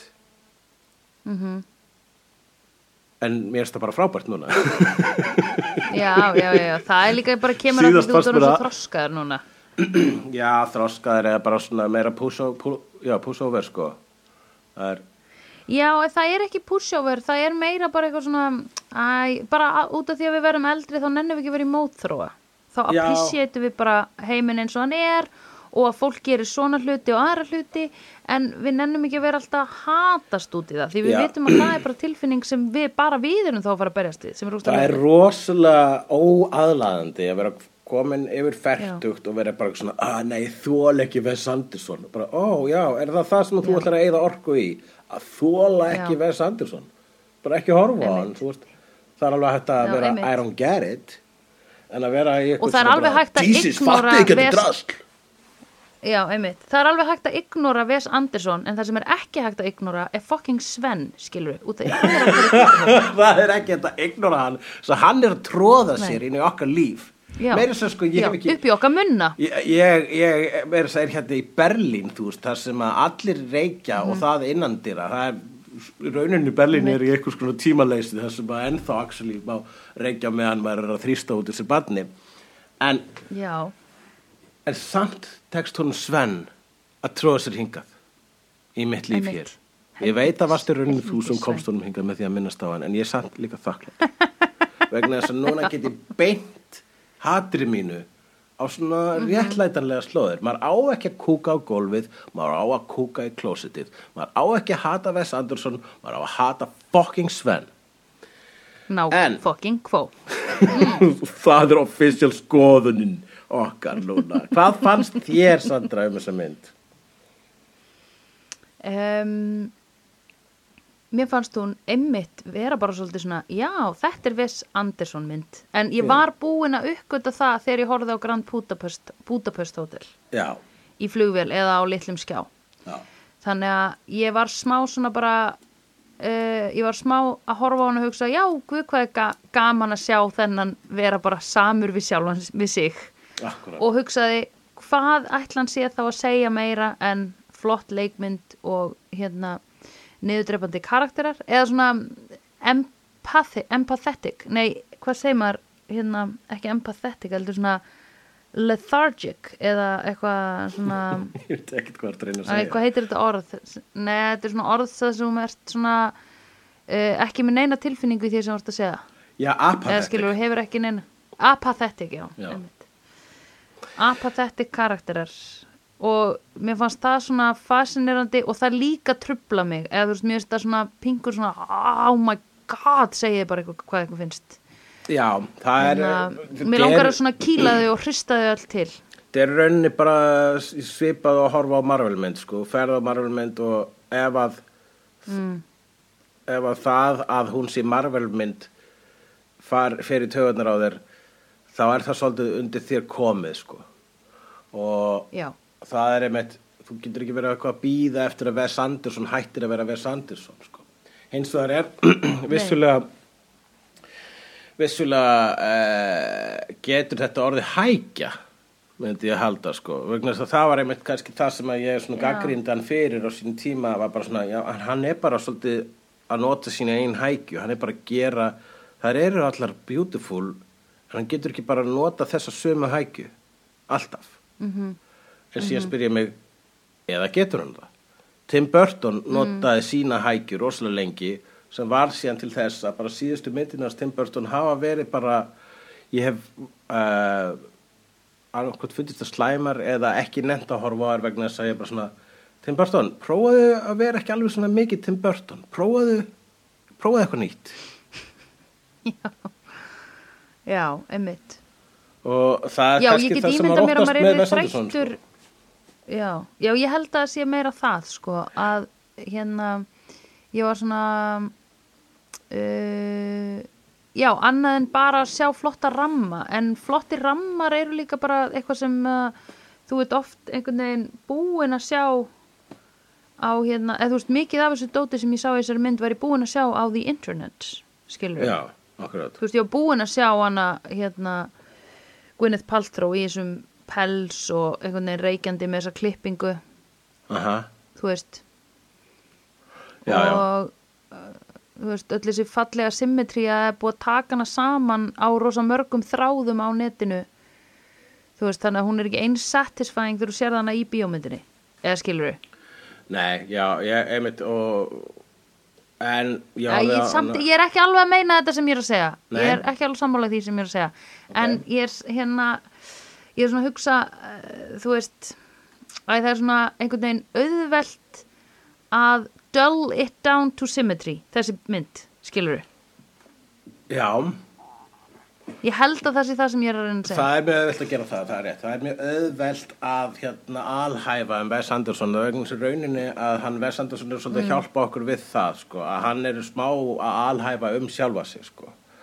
Já. uh, en ég líka, þú veist, þegar ég kannast við þessa tilfinningu að vera búin að finna stíl og bara, ok, þetta er að virka, fólk fíla þetta, ég ætla að halda mig við þetta, þá heldur fólk áfram að fíla mig, en ég geti ekki gert það eiginlega vegna þess að þá mun fólk segja, er þú alltaf að gera það sama, ha, ég kannast við þá tilfinningu, eins og ég er basically búin að vera að gera. Over-identify Það- much? Ég er búin að fann einhverja formúlu einhvern tímann í kringum síðustu aldamót og bara svona alright, ok, really? Er þetta sem þið viljið? Ok Það gefa ykkur 5.000 í viðbót Já. Svo þegar þú reynir að gera eitthvað annað þá er fólk eitthvað mm, má ég freka að fá þetta bara í svona spýtukalla útgafu Það er þannig, það er í alveg þannig en þess að námar heldur ekki að lesa komment um, Nei, ég veit það En Sandra, hérna, ég Já. ætla að uh, droppa hér sofakáls nöfnum. Uh, ég glemd Ok. að minnast á hana Hrefnu Arnarsdóttur. Hún far hér sjátátt frá okkur fyrir að vera svo sem að valdi síðustu vídeomynd sem var Matrix vegna þess að ég Ok, setti smá að Facebooki, Facebooki okkar bara svona smá könnun þar sem ég spurði sáfókálinu hvað þau myndu vilja heyra okkur tala um.